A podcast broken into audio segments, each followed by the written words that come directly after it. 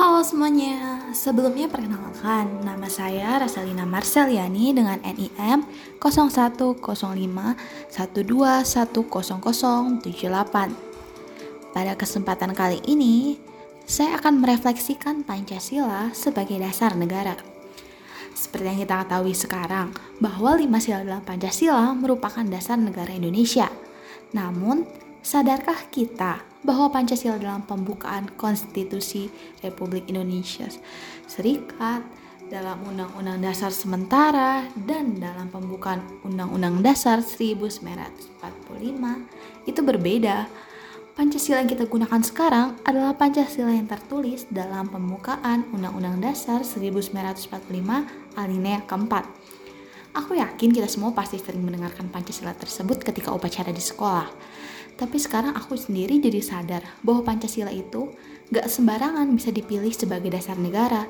Dari sila pertama Pancasila yang berbunyi, ketuhanan yang Maha Esa menggambarkan bagaimana negara kita Indonesia itu tidak pernah loh memaksa kita untuk menganut agama tertentu.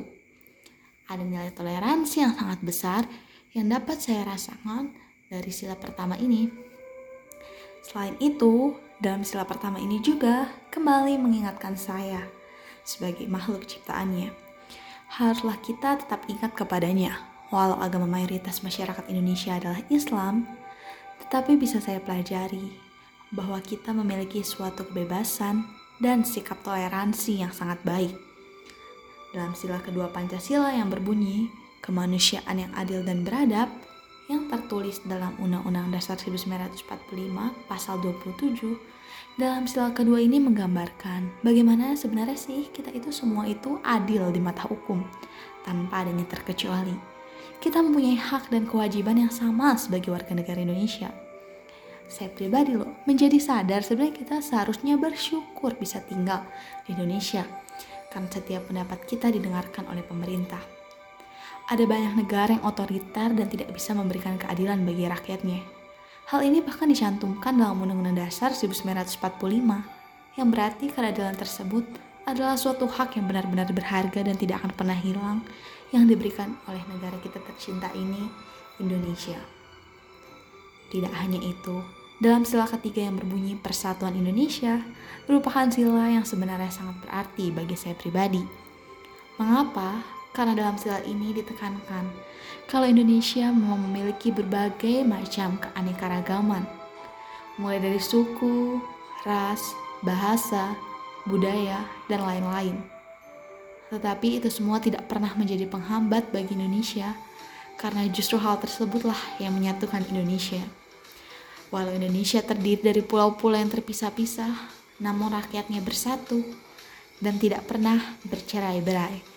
Ini adalah suatu kebanggaan yang seharusnya kita syukuri. Kemudian di sila keempat Pancasila yang berbunyi kerakyatan yang dipimpin oleh hikmat kebijaksanaan dalam permusyawaratan perwakilan. Dalam sel ini sebenarnya memberitahu kita bahwa rakyat adalah pemegang kekuasaan tertinggi. Kenapa? Karena segala keputusan yang diambil adalah berdasarkan musyawarah saya menyadari bahwa hal ini adalah hal yang sangat kita perlukan agar kita tuh bisa mencapai suatu keadilan yang seharusnya. Kita sebagai rakyat Indonesia seharusnya lebih sadar bahwa sebenarnya kitalah yang akan membangun Indonesia. Karena segala keputusan yang diambil adalah berdasarkan hasil musyawarah kita semua secara tidak langsung. Dan sila terakhir yaitu sila kelima berbunyi keadilan sosial bagi seluruh rakyat Indonesia. Ketika kita melanjutkan dari sila sebelumnya, kita jadi semakin sadar kalau Pancasila setiap silanya itu terbentuk untuk saling melengkapi. Dalam sila kelima ini menegaskan kembali, keadilan yang bisa kita dapatkan sebagai rakyat Indonesia itu apa? Aku pribadi juga jadi kembali merenungkan betapa beruntungnya aku yang bisa lahir dan besar di negara yang memang benar-benar memperhatikan rakyatnya. Contohnya, dalam bilang pendidikan, kita bisa mendapatkan keadilan karena kita semua berhak untuk mendapatkan pendidikan. Bayangkan, jika hanya beberapa orang saja yang boleh sekolah, apa yang akan terjadi pada diri kita? Jadi, secara keseluruhan, sebenarnya Pancasila membuat aku sadar kalau Pancasila bukan sebatas teori.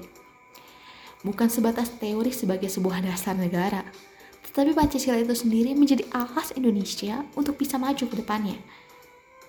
Aku pribadi terlalu nyaman dengan keadaan ini dan bahkan tidak menyadari bahwa Pancasila adalah sesuatu yang berharga yang memang benar-benar diperlukan untuk Indonesia.